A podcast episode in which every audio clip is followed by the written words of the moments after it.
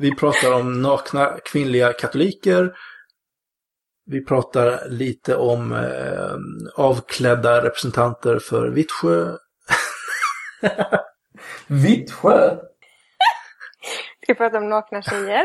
Vad sa jag? Vi pratar om nakna... Okej, Vittsjö? jag kommer från Vittsjö. Jag vet. Från Vittsjö liksom. Vad- What? Nakna representanter från Vittsjö.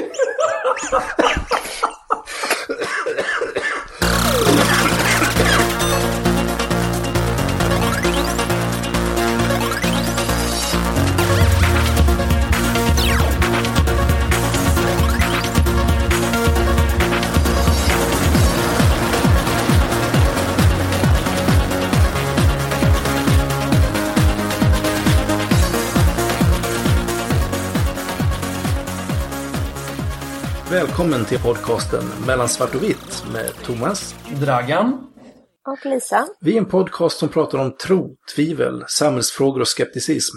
Blandat med aktuella händelser och musik i en personlig anda. Och när många andra poddar har sommaruppehåll, då kör vi stenhårt så att det kommer nya avsnitt varje vecka hela sommaren. Och eh, i detta avsnittet ska vi bjuda på lite blandat. Dragan har varit på biblioteket. Ehm, vi kommer att eh, skälla ut det lite. Och eh, så pratar vi om deism. Dessutom har vi varit ute på stan och träffat både Amnesty-tomtar och ehm, Jehovas vittnen. Vi pratar om nakna kvinnliga katoliker och om dyrbara gubbar som man kan samlokalisera. Det och mycket mer och inte minst Lisas premiär i musikinslaget. Häng med!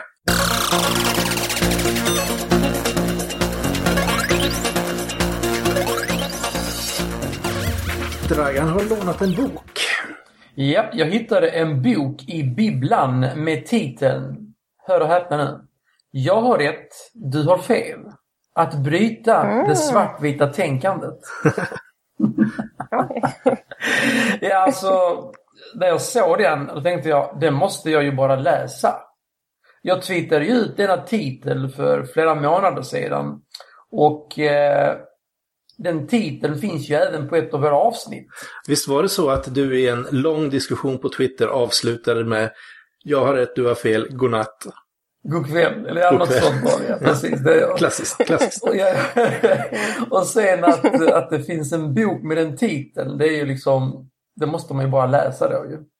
Eh, jag har börjat läsa boken och den verkar vara rätt så intressant faktiskt. Eh, författaren heter Edward de Bono. Han ifrågasätter en av västerlandets grundvalar, eh, vårt tankesystem och därmed även vår syn på omvärlden. Men jag får nog vänta tills jag läst innan jag kan rekommendera den. Att det finns tre förord som är skrivna av tre olika nobelpristagare i fysik gör eh, inte att boken är mindre intressant tycker jag. Den tar faktiskt även upp det vi pratade om för några avsnitt sedan, att skapa artificiell intelligens. Eh, jag återkommer när jag läst boken. Spännande. Ja. Är Dragan, du hade ett statement också. Ja, jag har mycket att säga idag. och även en liten statement här och det gäller då eh, nyttjandet av iTunes. På iTunes så har man ju sina rättigheter och sina skyldigheter. Man kan alltså kostnadsfritt lyssna på fantastiska poddar som vår då, Mellan svart och vitt, vars producenter då gör detta helt ideellt för er. Men glöm inte att ni även har era skyldigheter. En av dessa oskrivna skyldigheter då är att man skriver en recension på en podd man lyssnar mycket på. Så jag uppmanar nu alla lyssnare, få tummarna loss nu och skriv fina recensioner på iTunes. Och har ni för avsikt att skriva dåliga så kan ni låta bli. Så nu har jag fått lite... Bra. Så nu har ni fått lite dåligt samvete. Nej, det tror jag egentligen till att man kanske då inte redan har gjort det här beror på att man inte är riktigt säker på hur man gör förstås. Eh, Och anledningen till att vi gärna vill ha det här det är att med hjälp av betyg och recensioner på iTunes så kommer man högre upp på topplistorna och har möjlighet att få fler lyssnare, vilket i sin tur sparar oss till att göra ännu fler och ännu bättre program. Men eh, hur går det här nu till? Ja, om du är så lyckligt bevandrad så att du har en iPhone eller iPad så kan du öppna iTunes eller Podcaster eh, om du redan har den installerad. Och då kan du bara söka efter mellan svart och vitt. Och när du får upp eh, vår podcast så kan man klicka på recensioner och skriva en recension. Eh, sitter du på en stationär dator så eh, kan du öppna iTunes och gå till iTunes Store. Och där kan du också söka på mellan svart och vitt. Eh, och klicka där så får du upp sidan med alla avsnitt och kan också välja betyg och recensioner. Eh, jag kommer göra det ännu lättare genom att eh, skriva direkt länken till vår sida på iTunes som du kan gå till via din webbläsare och då sätter både telefonen och datorn igång iTunes på din device så att du kommer snabbare dit. Så att vi skulle uppskatta det jättemycket om ni tog er lite tid att göra det. Mm. Just do it! Yeah. Just do Just it. do it. Kan vi ta en Twitterfråga ja, nu? Det kan vi göra. Eh, för, ja, förra veckan så hörde Skeptomaniac av sig. Han är det här lilla bältdjuret. Är han ett bältdjur eller? Är. är det, det är ingen igelkott eller? eller nej, vad är han? Han är den där lilla gulliga. Ja. Skeptomaniac får skriva vad det är för någonting så vi vet vad det är för bild. Alltså. Precis, han, han skickade en fråga och sen började jag tänka på den frågan. Och sen sa han efter några timmar att nej men jag menar egentligen inte så mycket med den. Men då hade jag redan tänkt lite grann. Eh, så jag kan ta den med er här. Han undrade om vi tyckte att deister var mest teister eller ateister. Eh, och deister, de är ju de som tror att Gud har gett upphov till universum och världen för att det är han som har skapat det en gång. Men sen har han liksom lämnat det åt sig själv och han bryter inte in och lägger sig i hur det går med skapelsen under tiden så man kan inte ha kontakt med honom och så utan han är bara ett ursprung. Och nu är det naturvetenskapen som eh, beskriver för oss hur det går och han är inte inblandad på något sätt. Och eh, när jag tänkte på det så tänkte jag väl spontant att den som har skapat världen har ju väldigt stor makt över processerna som ska ske där sen och eh, därför så kände jag att det var lite närmare eh, teism än ateism för mig, alltså att man tror att det finns en gud som betyder någonting. Eh, men eh, hur mycket gudstro det är, det avgörs av tre frågor tänkte jag och de hade inte jag riktigt svaret på för att eh, eh dels undrar jag om man som deist tror att människan är skapad till Guds avbild eller inte. Dels undrar jag om man som deist tror att människan har fått en själ eller någonting som är evigt på något sätt som inte djuren har. Och för det tredje undrar jag om man som deist tror att människan efter döden på något sätt kommer att återförenas med Gud eller förenas med Gud efter det här. Och det fick jag ingen klarhet i. Nej. Har ni tänkt någonting på det här med deism? Ja, alltså jag är väl inne på din linje där. Uh, I och med att det finns en gud som har skapat någonting så är det ju en troende, alltså en, en uh, teist då det handlar om.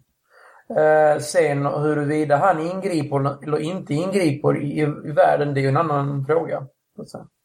Jag tänkte så här initialt att ja, på ett sätt definitionsmässigt då eftersom det ändå finns en gud inblandad någonstans så kändes det ju att det låg närmare teism. Men om man ska se lite mer praktiskt vad det innebär för en människas eh, eh liv och levande så känns det ju som att eh, den deistiska hållningen eh, gör, alltså påverkar en lika mycket som den ateistiska hållningen. Och på det sättet skulle det vara de facto mer kopplat, eller mer lika ateism. Tycker du verkligen det? Ja, jag sa ju det. Ja, ja, ja det känns för mig. På vilket alltså, med, sätt lever en gud... deist och en ateist sitt liv alltså, olika? Han, de, de menar ju att en gud har skapat världen. Och i och med att de blandar in gud, då kan de ju inte kallas för ateister. Det är ju avsaknad Nej, men jag sa, de kallas inte för ateister, utan frågan var ju vilket som det är därför vi har ett ord som är deism också, men frågan är vilket det var närmare. Eh, om det var teism eller... Men du tycker det är närmare ateism? Eller? Jag säger att det, rent definitionsmässigt känns det närmare mm. teism. Men rent praktiskt i en människas liv så känns det närmare den mm. ateistiska mm. hållningen. Så du har två svar på frågan? Som vanligt. Som vanligt så luddar du till allting. Ja, och du har svårt att acceptera att det finns två sidor av saken. Eh, jag för, alltså nu när du, när du tar upp det och, och lägger fram det så som du gör så förstår jag det. Ja. Men om du ska bestämma dig för en, vad blir det då? Då blir det ett eh, ateism. Okej, bra. För jag tycker verkligheten är intressantare i teorin. Eh, om jag riktigt, Ja, nej, riktigt men tänker du, efter. Du, gav en bra grund på det hela kan man säga. Du grundade väl. Man säger så. Mm. Sen håller jag inte med dig, men det är en annan fråga. Men det gör jag ju nästan aldrig. Så att, ibland, så, ibland så eh, har vi samma konsensus. Nej, men dina frågor där Lisa var ju bra, men jag var inte riktigt förberedd på dem. Och det är ju lite svårt. Jag vet faktiskt inte riktigt den deistiska hållningen. Eh, men jag kan ju... Nej. Varför, jag menar om till exempel deisten skulle tro på det var själ, va? Det var ett liv efter detta om man var skapat i Guds avbild. Eh, Ja. Jag vet inte vad man skulle få det därifrån. Alltså att man är skapat i Guds avbild. Vad skulle man få den idén från om man är deist? Jo, för om, en gud, om man tror att Gud har skapat och sen bara låter det Mm. vara. Eh, då undrar man ju varför gjorde han det och inte liksom... Eh, Han Men kanske vänta, fortfarande vänta, är vänta, sjunde jag- kom-? Jag på en sak. Om Gud, om Gud har skapat människan till sin avbild, då är det ju en gubbe som sitter på ett moln. Men det, det, det, så måste det Men då vara. vill jag också sitta på ett moln. Varför får bara Gud sitta på ett moln? Då tänker du att det bara är det här. Ja, men det är ju, Men- om, men, om, eh, om det är så så det är liksom... Ja, men sen avbild kan ju, kan ju handla om många olika saker. Det behöver inte vara att, ehm, att Gud har en snopp. Det kan ju vara liksom något annat. Att vi skapade till hans avbild. Alltså i någon annan typ av mening än den rent fysiska. Mm. Okej. Thomas, det, sa du innan, jag tycker att verkligheten är intressantare i teorin. En teori. Eller du, jag tycker En verkligheten teori. är intressantare än teorin? För det var det jag försökte avbryta Ja, samtidigt. Nej, men sen så vad jag tänker här det är ju också att, jag menar, den här synen på att människan är skapad till Guds avbild, den är ju väldigt kopplad, så den kopplar ju väldigt hårt till Bibeln. Och en deist behöver inte alls relatera till Bibeln på något sätt. Eh, och vad skulle man då få för sig att, att man var skapad till någon Guds avbild? Man kan ju bara vara en del av något typ av universum som har sprungit ur en urkraft. Jag vet inte.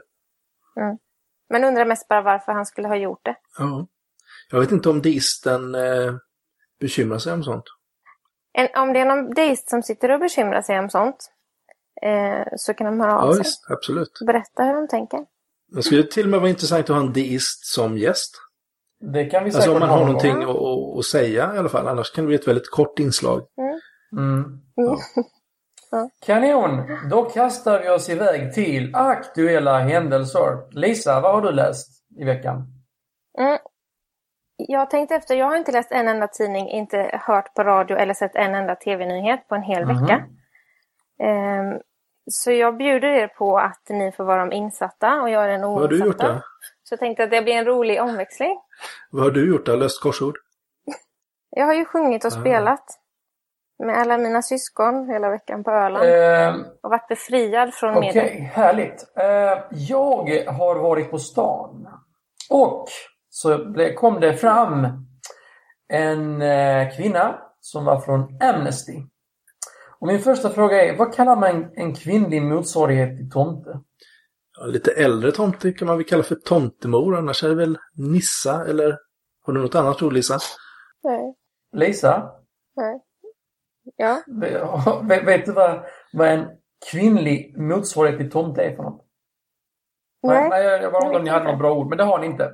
Okej, jag sa- hur som helst. Som Mina ord helst. var väl bra? Vad sa du? Ja, det var väl bra. Vi kallar det för kvinnlig Amnesty-tomte. Okej. Mhm. Ja, men eh, den här kvinnan kommer då fram till mig och då tänkte jag nu har jag min chans här. Alltså, nu ska de få höra här. Och då började jag, jo, eh, ni, så, så glömde jag fullständigt bort vad det handlade om. Liksom det här med det var Julian Assange och det var någonting med regeringen men jag kom, jag kom inte på vad det var. Så jag, jag, jag vet inte vad jag skulle säga. Liksom. Jag bara, oj, nu, jag glömde helt bort vad det handlade om. Så där, där fallerar hela min chans där och berätta hur, hur illa Amnesty har betett sig. Liksom. Och det det egentligen handlar om då, det var ju då att eh, eh, Amnesty International hade då sagt att eh, ty, eller, tyckt att eh, den svenska regeringen kunde då ge en garanti för Julian Assange när han kommer hit här för rättegångens skull. Så att eh, rättegången blir, eh, blir över liksom. Men eh, det tyckte inte den svenska delen av Amnesty. De, de tyckte inte att man, man kunde be, något sånt, be regeringen något sånt. Så det var det jag, som jag fullständigt glömde bort när jag skulle prata med den här kvinnan. Så där, därför satt jag min chans. Men det är den svenska Amnesty som du är irriterad på? Ja, ja precis. Ah, okay. precis. Men, men vad hände då? Du, du stod bara och fick tunghäfta och sen gick du därifrån? Ja, jag bara, jag bara sa, jo, men nu har jag glömt bort vad jag ska säga till dig. Ja. så, men det var någonting med Julian Assange och rättegången, kommer jag ihåg. Och det var någonting med eh, ja. den internationella Amnesty. Det var någonting med det. Ja, det är skönt att du ger intryck. Ja, precis. Men hon, mm. så tänkte hon, ja, men så började hon prata, men du vet vi jobbar. Så, så, du, så, sen så, så, så här, jag kommer inte donera några pengar just därför. Och just på grund av någonting som jag inte kommer på just nu. Adjö. du har, riktigt, du har fel. Riktigt, riktigt så okay. var det inte, men, men liksom lite åt det hållet. Mm. Ja. Där fick hon sånt ja. ja, precis. Precis. Men hon skulle, hon skulle ta reda på detta. Hon skulle ta reda på detta. Så. Okay. Nu är det som så här att vi har ju en liten följetong här va? med Julian Assange.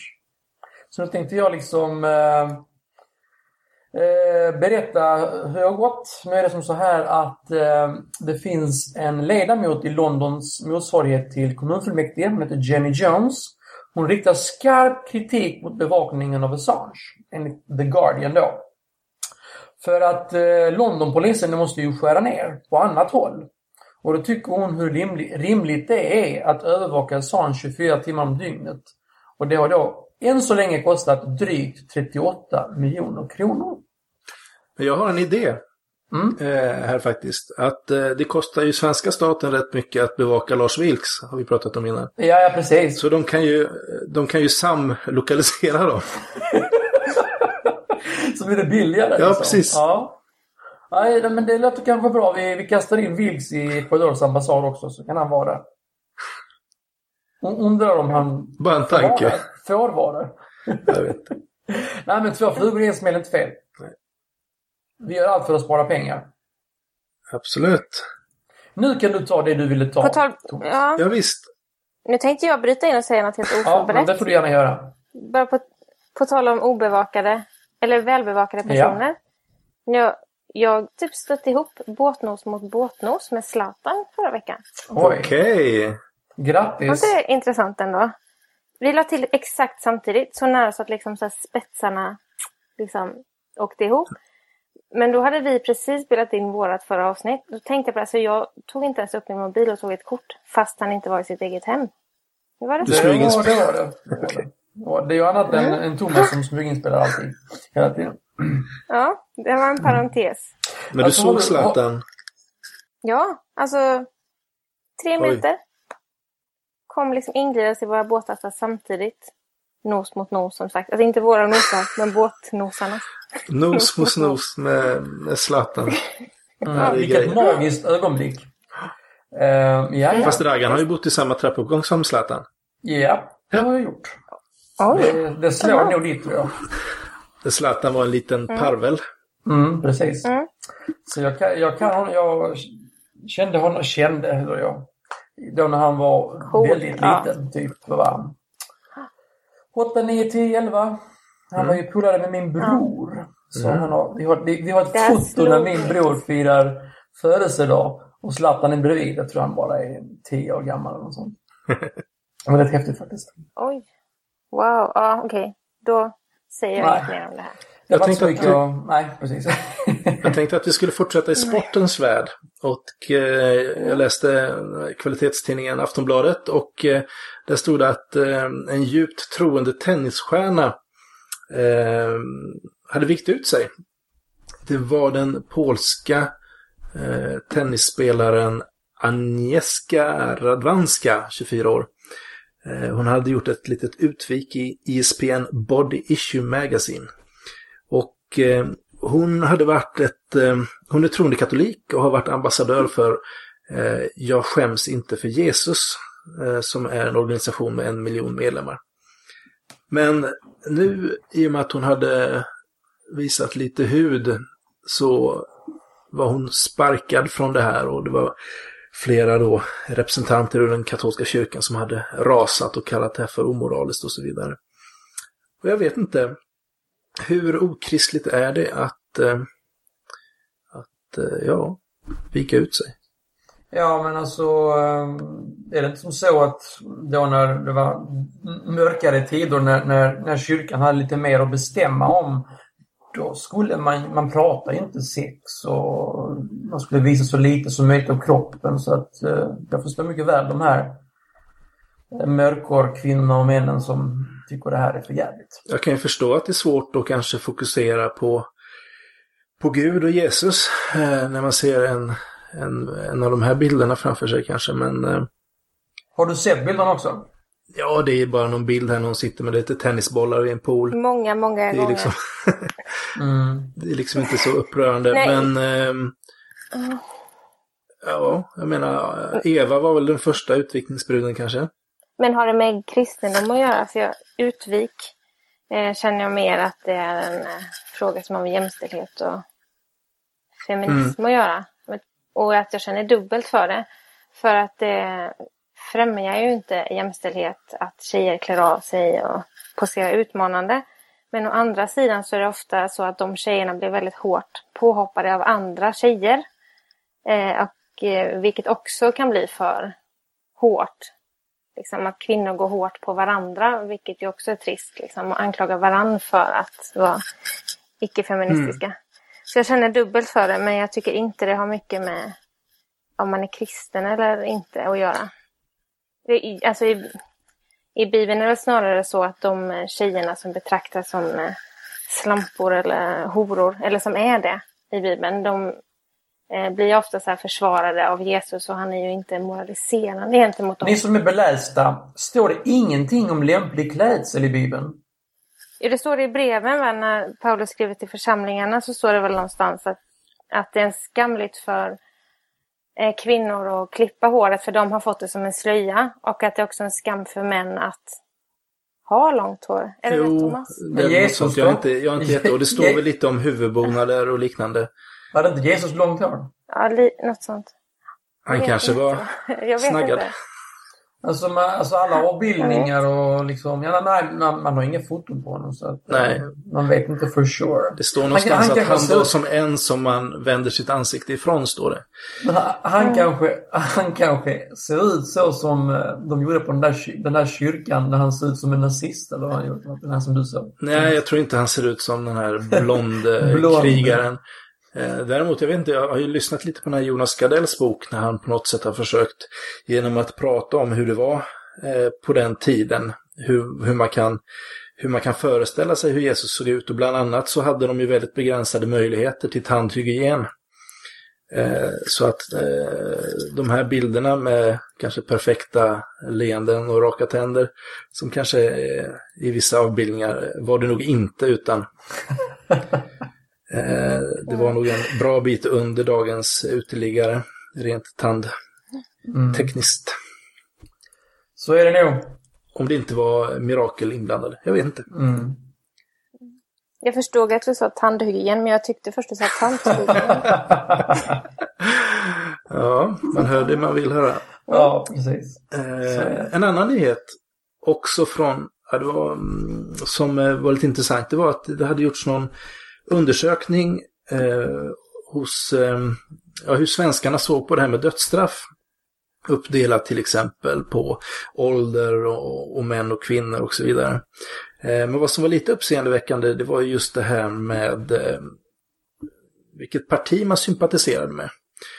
Och eh, då såg det ut så här nämligen att Moderaterna 22% Centerpartiet 25% som är för dödsstraff alltså. Folkpartiet 14% sossarna 20 Vänsterpartiet 14,5 Miljöpartiet 10,5 KD Sverige- Sverigedemokrat- 5,3 Fem- 5,3. Ja, så de var överlägset Ja. lägst. Eh, och Sverigedemokraterna 59 Åh, Så det var två... Men alltså 25 procent och 20 säger vissa stora partier. Vad Ja, så Moderaterna och sossarna, då, de två största partierna, de, var femte väljare är för dödsstraff. Det är en rätt hög siffra faktiskt.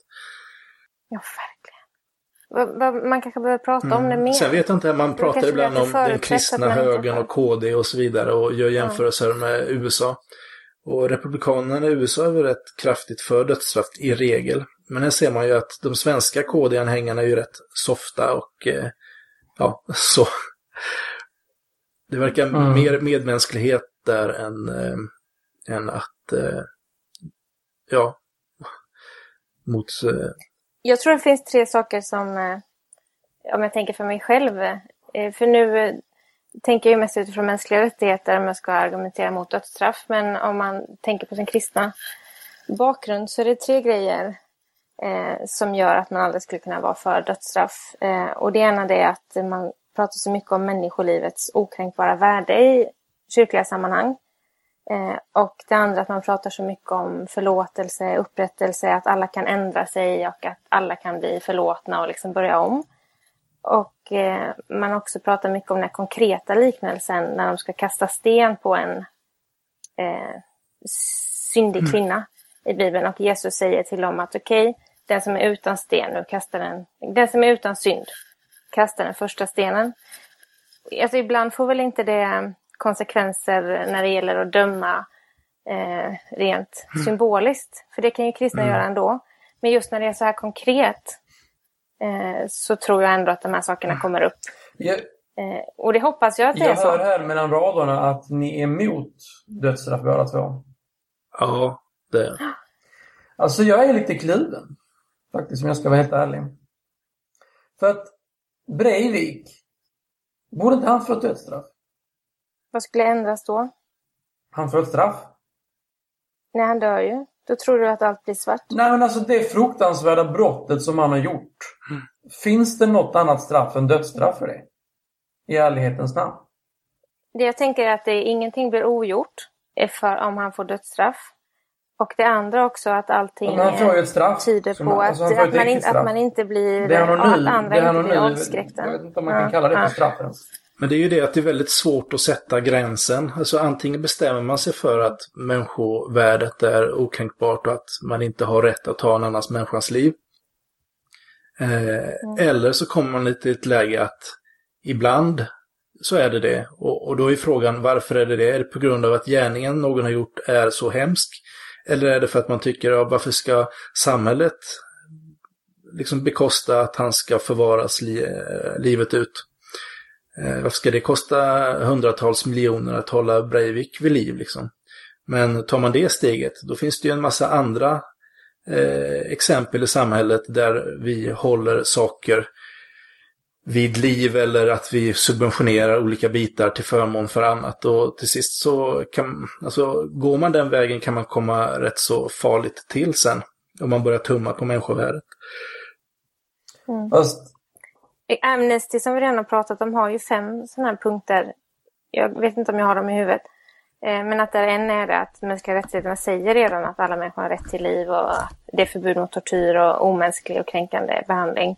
Och en är just det att det inte är avskräckande med dödsstraff, att allting tyder på att dödsstraff får inte färre att begå brott.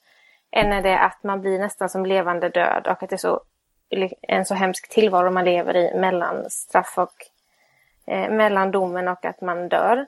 Eh, en är det att det är diskriminerade grupper och svagare grupper i samhället som mycket oftare döms till det.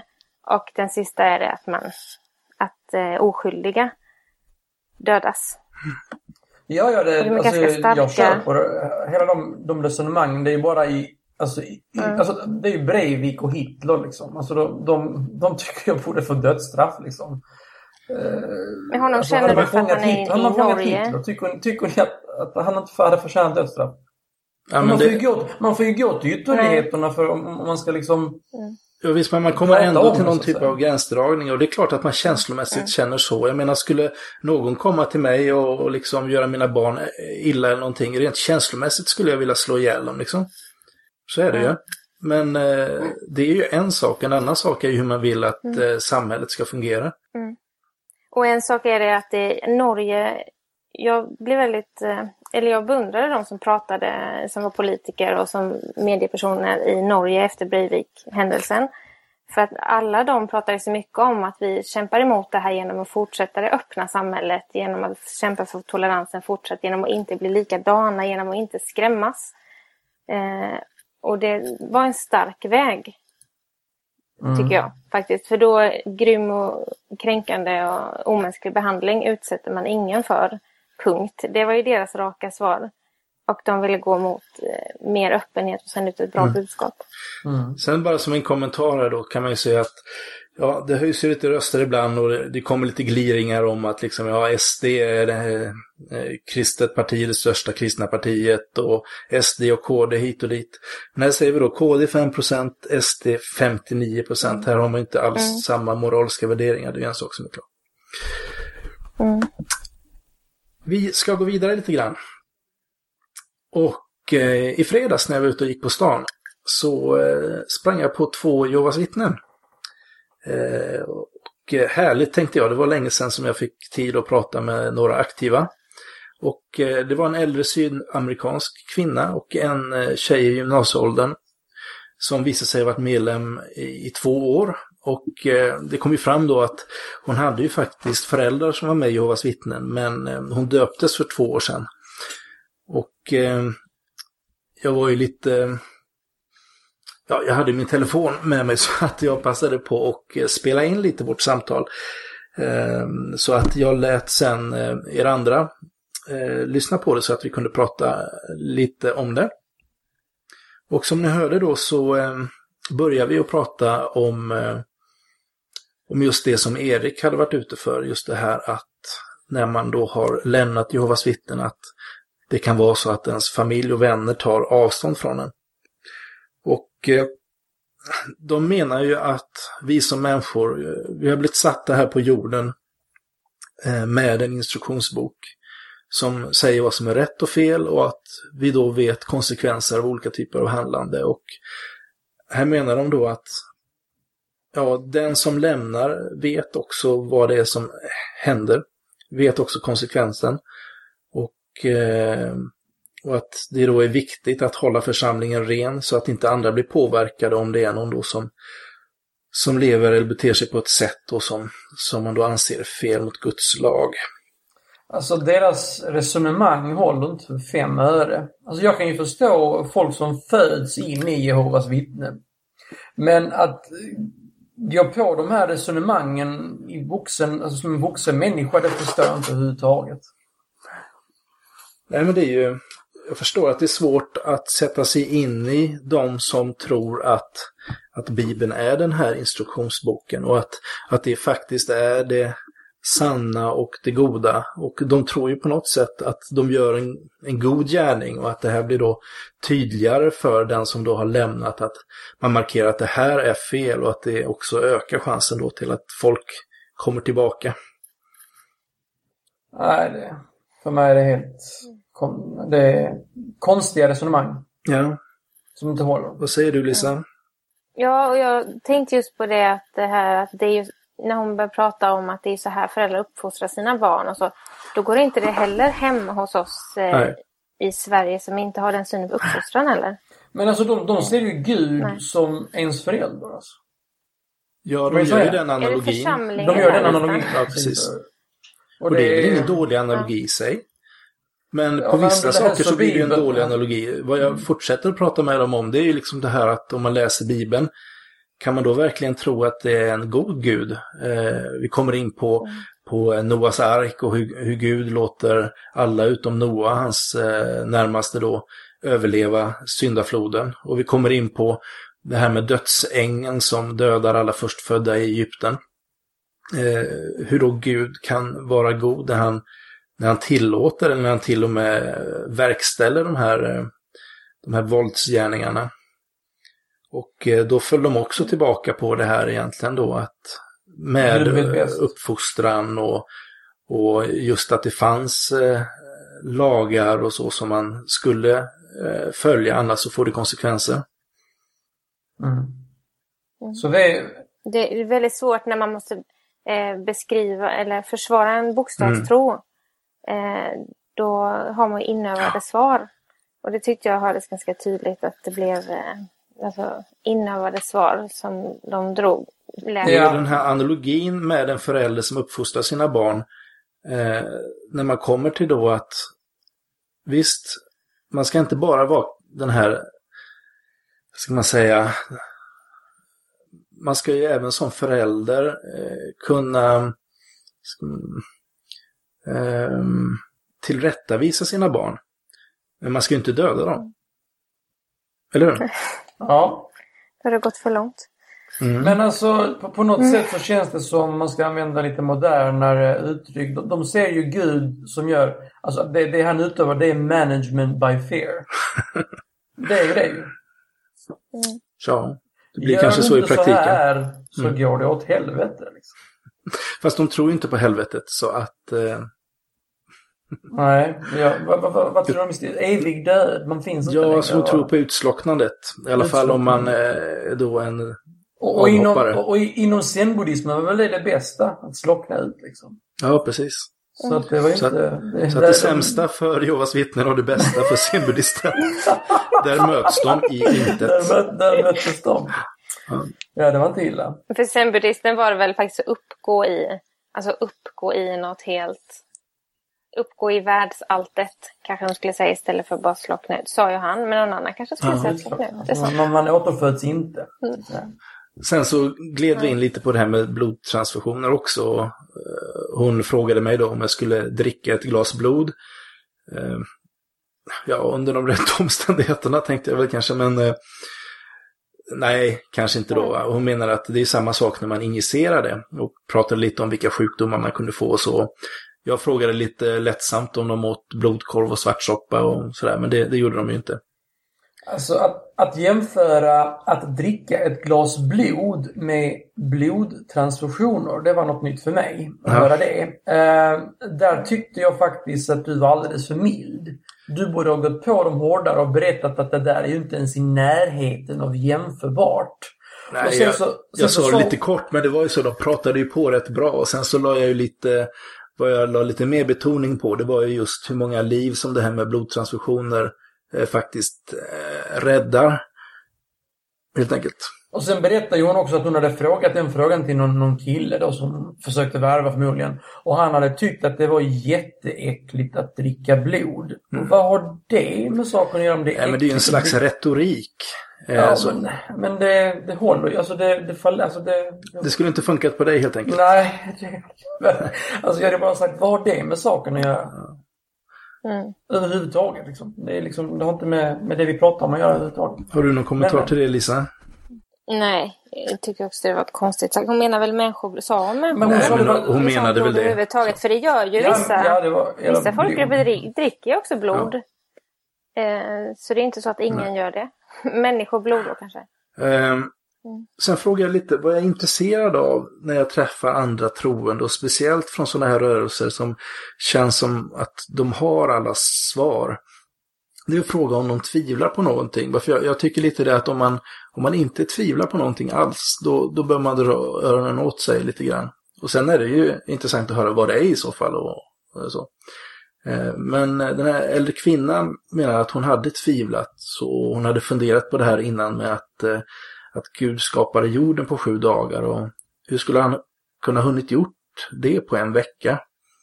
Men sen några år senare berättade hon så läste hon i Bibeln att eh, en dag är för Herren som tusen år. Och då förstod hon att det stämde ihop med vetenskapen och att jorden kunde vara flera miljoner år.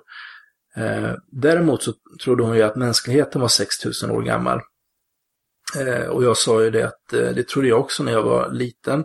Men jag ser ju nu att det inte stämmer med vetenskapen. och där var vi ju inte överens. och så.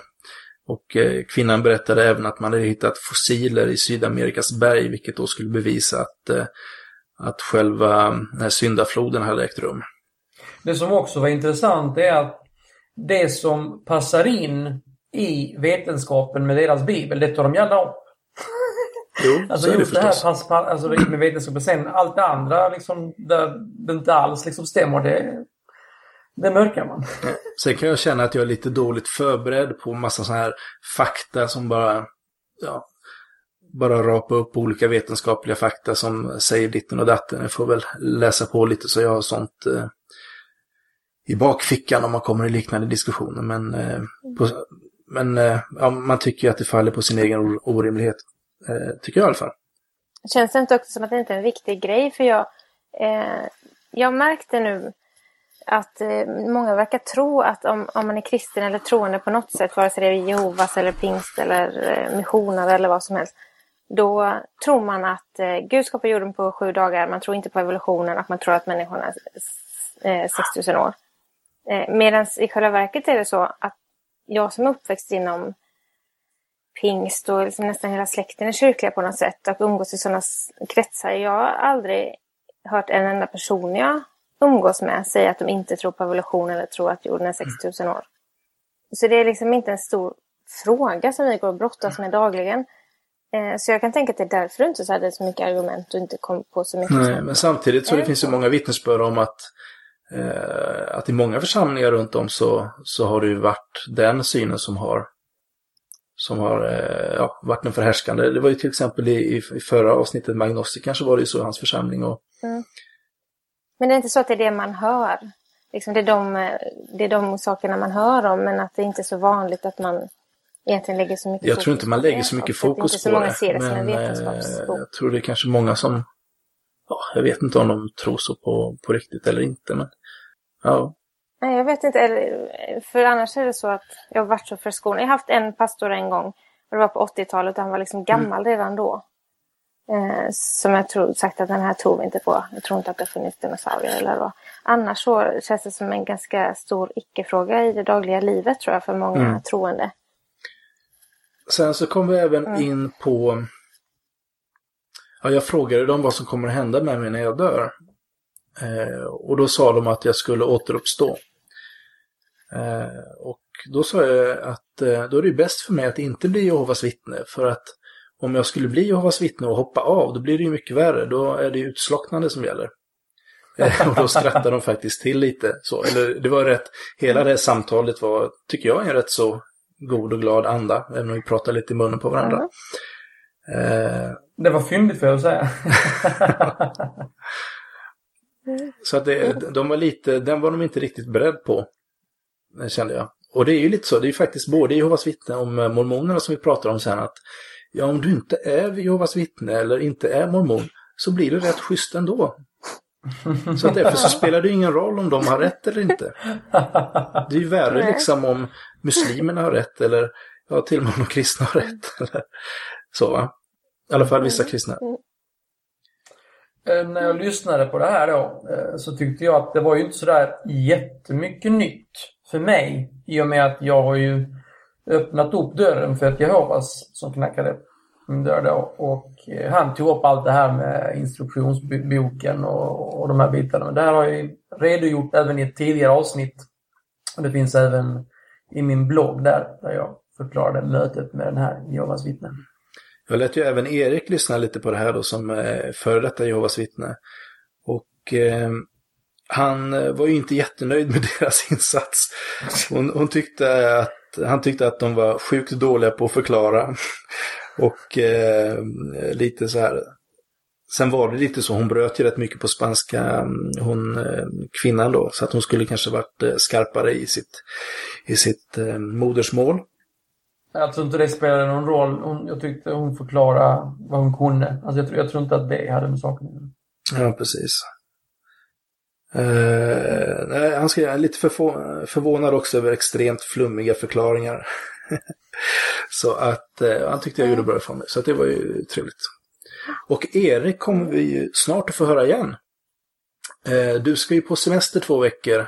Dragan. Det stämmer. Så att lyssnarna kommer att slippa mig i två kommande avsnitt här. Ja, precis. Och eh, i det andra avsnittet i alla fall, det om två veckor, så kommer tant Erik tillbaka. Mm. Ja. Nej men som sagt, jag tyckte det var väldigt trevligt och jag hoppas att jag kommer ha tid att prata mer med Jehovas vittnen och andra troende framöver. Men jag, är väl, jag tycker det är, det är intressant. Det är så. bra att gå på stan. Men eh, nu så tycker jag vi tar veckans citat. Om inte du Lisa hade något credo av något slag. något credo. Jag har skrivit credo här. För, eh, för några veckor sedan så hade jag ett samtal med Tobbe A. Eh, på Twitter här och så pratade vi om det här med att tro och veta. Så skrev jag att jag tror ju, jag tror ju tills vidare. Men jag tror mot bättre vetande. Så skrev han vadå? Mot bättre vetande. Så skrev jag att jag menar att jag tror fast mina bevis är noll. Och då frågade han att hur, hur kan du då tro? Och då började jag fundera lite. Så sa jag att jag... Hur kan jag det? Jag får skriva ett credo. Så kan jag läsa upp det. Så kan väl du skriva ett credo eller ett non-credo till mig och säga hur du tänker. Då svarar han nej tack. Men jag skrev ett litet credo ändå. Som jag kan läsa upp. Så kan någon annan få skriva sitt credo eller non-credo. Så kan vi ta det en annan gång tänkte jag. Mm. Shoot. Eh, och mitt är de försiktigt troende. De tänkande, undrande, funderande och förundrade troende. De vill jag tillhöra. Jag tror på Gud som är större, som är jag är. Gud som ger friden och frågan inuti. Frågan och sökandet. Jag tror på tvivlet och hoppas på tron. Tror fast jag inte förstår och för att jag inte förstår. Fast det är mysterium och för att det är mysterium. Jag tar risken att jag dör och allt är svart. Att jag kanske har haft fel. Jag tar risken men lever i förtröstan. Vilar, tror mig vara sedd, önskad, buren, ovillkorligt älskad genom allt.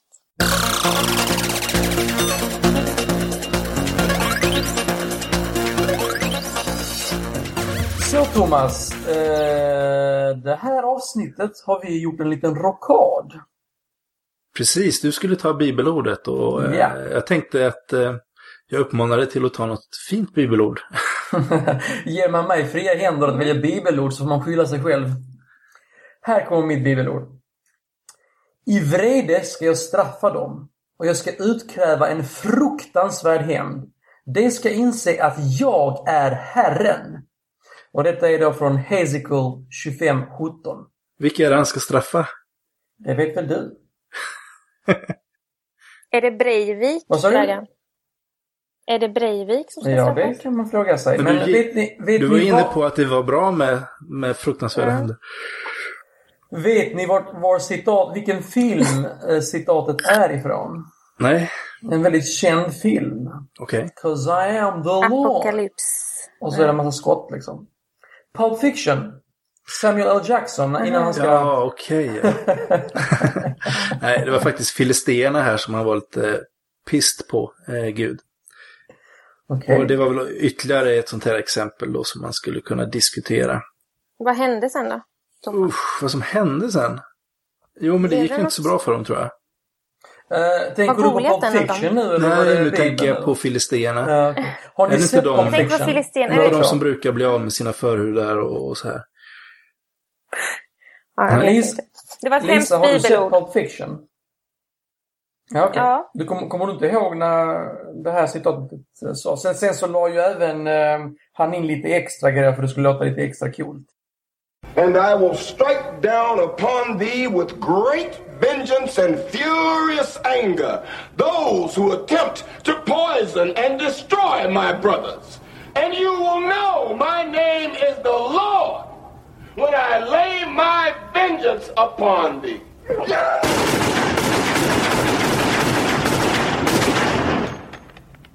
Alltså jag vet ju så här, teoretiskt sett att Pulp Fiction är en fantastisk film. Men jag har svårt för äh, när det är så här mycket våld och blod och liksom haha, lite våld och skratt. Ja, så jag, är väldigt blodig. jag kanske har förträngt. den. Jag har förträngt. Mm. Hellre våld utan skratt. Ja, nej Ja. men jag, jag hade också en Hellre period jag tänkte liksom, på måste riktigt. man se filmer som är liksom så blodiga och liksom massa mord och sånt för att de ska vara intressanta? Och så hade jag en period där jag såg annorlunda dramor där det inte var en massa mord och sånt. Men sen så sakta men säkert så gled jag tillbaka till de här våldsamma filmerna igen alltså. Ja. Så att, eh, ja. Så Så kan var det vara. den saken. Det ser vi hur det går. Eh, och jag tog då en veckans förnuftiga funderare. Eh, Nothing in life is to be feared. It's only to be understood. Now is the time to understand more so that we may fear less. Och det var Marie Curie. Mm. Vackert. Vackert. Mycket bra. Kvinnligt, kvinna som citerades också. För en gångs skull. Mm, Ja, vi, har, vi har väl jag haft... Jag, jag tror jag faktiskt, när jag, när jag hade ateistcitaten long Mm. time ago, då hade jag faktiskt flera kvinnor. Det är ju väldigt få kvinnliga författare till de bibelböckerna så att det blir ju lite snedfördelning där automatiskt. Mm. Mm. Som vi vet. Vad vi vet. Ja, Men det precis. verkar ju onekligen så. Det ver- de är ganska Det manliga. kanske är eh, kittligt att alltihopa. Det är nog, ja, det, speciellt det här citatet var ju verkligen eh, skickligt när eh, Gud straffar med massmord i fruktansvärd hämnd. Det känns väldigt chic. Verkligen. Eh, sedan så ska ju en viss person göra en musikdebut här. Alltså. Yay! Yeah. Lite applåder där kanske. Ska du säga Ja. någonting innan Lisa, innan vi... eh, Ja, jag drog ihop min eh, familj i morse. Mina barn och min man och ett par bröder och en svägerska. Gav dem tio minuter att läsa på en sång om podden och köra Mm. åt mig. Spelar vi in det här på en tagning. Får se hur det. Wow. Det här har vi sett fram emot nu några veckor så att det ska bli verkligen spännande att höra. Speciellt jag har sett fram emot det för jag trodde ju under lång tid att det skulle vara en hyllning till mig men det var det ju inte. Vi får väl vi, vi se. får höra, vi får det blir höra. hyllning till podden.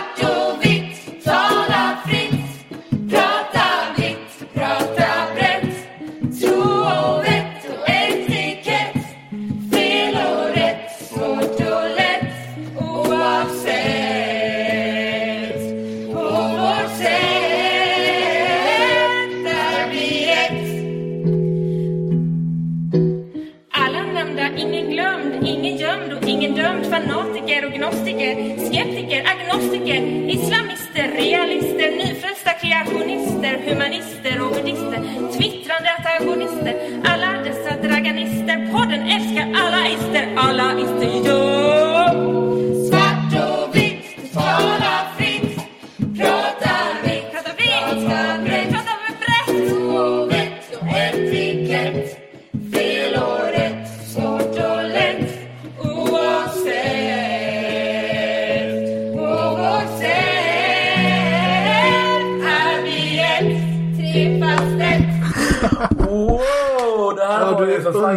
grymt Lisa. alltså. Snacka om att slå oss på fingrarna alltså. Äntligen gospel i podden! Ja, jag har nästan tårar, jag fick lite tårar i ögonen Ja, faktiskt. jag fick gåshud. Speciellt när jag hörde Draganister. Alla dessa Och det här satte ni på en Men min man också? sa så här, Lisa du måste säga att du är ironisk när du sjunger gospel på det här viset. Så nu säger jag det. Ja, jag tyckte det här var jättebra Lisa. Jättebra. Ja, verkligen. Härligt. Mm. Helt Alltså, taget. vi borde nästan göra någonting med den som jingel eller något sånt. Ja, precis. För vi har ju liksom svart och vitt och allting liksom. Ja. Eh, Ja, jag var, det var över förväntan får jag säga. ja, jag, jag är helt tagen. Helt tagen. Ja, nej, det, Sitter och nej, det här var gråter. jättebra. Alltså Ja. ärligt talat. Det, all eloge. Vi är jättenöjda och jätteglada. Vad ska vi glida in eftersnack då? Ja, är vi inte där redan? Jo, det är vi kanske. Vi, vi bara flyter omkring här i något slut saligt rus över att av den här... Eftersnacket blir nästan lite Ja, Ja, det, det verkligen. Ja, Nej, det, vänta, vad var det någon känd melodi som du har snott eller eh, var det här egenskrivet? Nej, det är era melodi. Vad sa du? Poddens melodi. Det är, podd, Det är poddens melodi. melodi. Ja, det är vackert. Ja, det, är, det är passande på så många sätt. ja. Mm. Nej, men du har, du har en jättefin röst verkligen. Ja, Och, eh, verkligen. ja, Fyndig text också. Väldigt fyndig ja, text. verkligen. Det hade jag i och för sig väntat mig. Och jag hade väntat mig den eh, fina rösten också förstås. Men eh, jag var ändå långt över förväntan faktiskt. Jag visste Trots inte att ens jag att, vet en du sjöng liksom och det, det här var liksom wow. Det, vi, det är bara, alltså ah, det, det måste nästan vara ett krav. Ska du vara ankare hos oss va, då får du fan kunna sjunga också. Eller rappa. Men du Lisa, ni som är ute och turnerar lite nu med familjen och sjunger och sånt där. Har ni tänkt att ta upp den här på repertoaren? Det var ju några, tre av syskonen Ja. var ju med nu och sjöng. Så vi kan ju det nästan. För den Men var det- väldigt medryckande, jag tror. Ja, det var den ju. Men var är ni ute och sjunger då? Nej, alltså en vecka om året har vi ett band. Och det är vi fem, fem Mm. syskon som är Nilsson Five. Och det har jag hållit på att twittra om i veckan för jag försökte skapa en twitterstorm. Det lyckades lite grann Okej. faktiskt. Så vi har ett band en vecka om året och så har vi tre spelningar om året. Som är på den lokala bykrogen. Ja, men då, då måste ni ha den här Mm, låten med. ja. er. Alltså, den är ju given. Absolut. Ta det nästa år. Något annat om dagens avsnitt, så här något som vi har funderat på? Ja, Jag har bara låten i huvudet nu. Jag kan inte Ja, tänka precis. på något annat liksom. Nej, vi bryter här.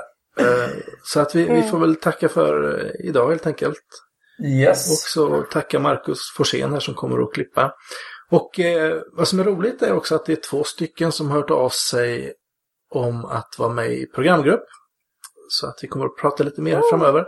finns fortfarande en möjlighet för dig som eh, är intresserad av eh, att hjälpa till med lite grafiska grejer och sånt där. Eh, där finns det fortfarande en plats ledig. Precis. Så, Vi vill bli nio pers liksom som håller på med den här. Åtta vill bli nio. Nej men ju, ju fler desto roligare, eller hur då? Men så är det ju. The Så är more det. the merrier. Absolut. Men eh, ha det gott. Vi hörs Ha det nästa gott vecka. allihopa. Hej då! Hej då! Du har lyssnat på podcasten Mellan svart och vitt. En podcast som handlar om tro, tvivel, skepticism och humanism. Om du gillar oss så gå gärna in på iTunes och ge oss goda vitsord. Det värmer. Ta gärna kontakt med oss. Vi har Twitterkonto svart vitt för programmet. Och Thomas har Thomas Sjoberg, Dragan har Draganist och Erik har Tant Erik.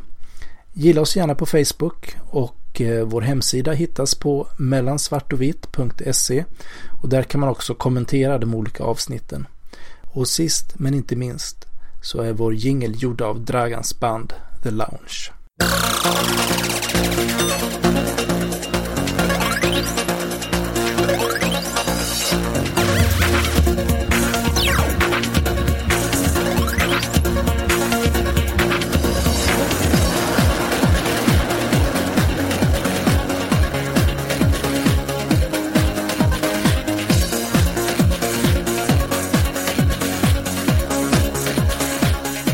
Sen, sen vågade jag eh, ta ett statement också på slutet. Vittsjö.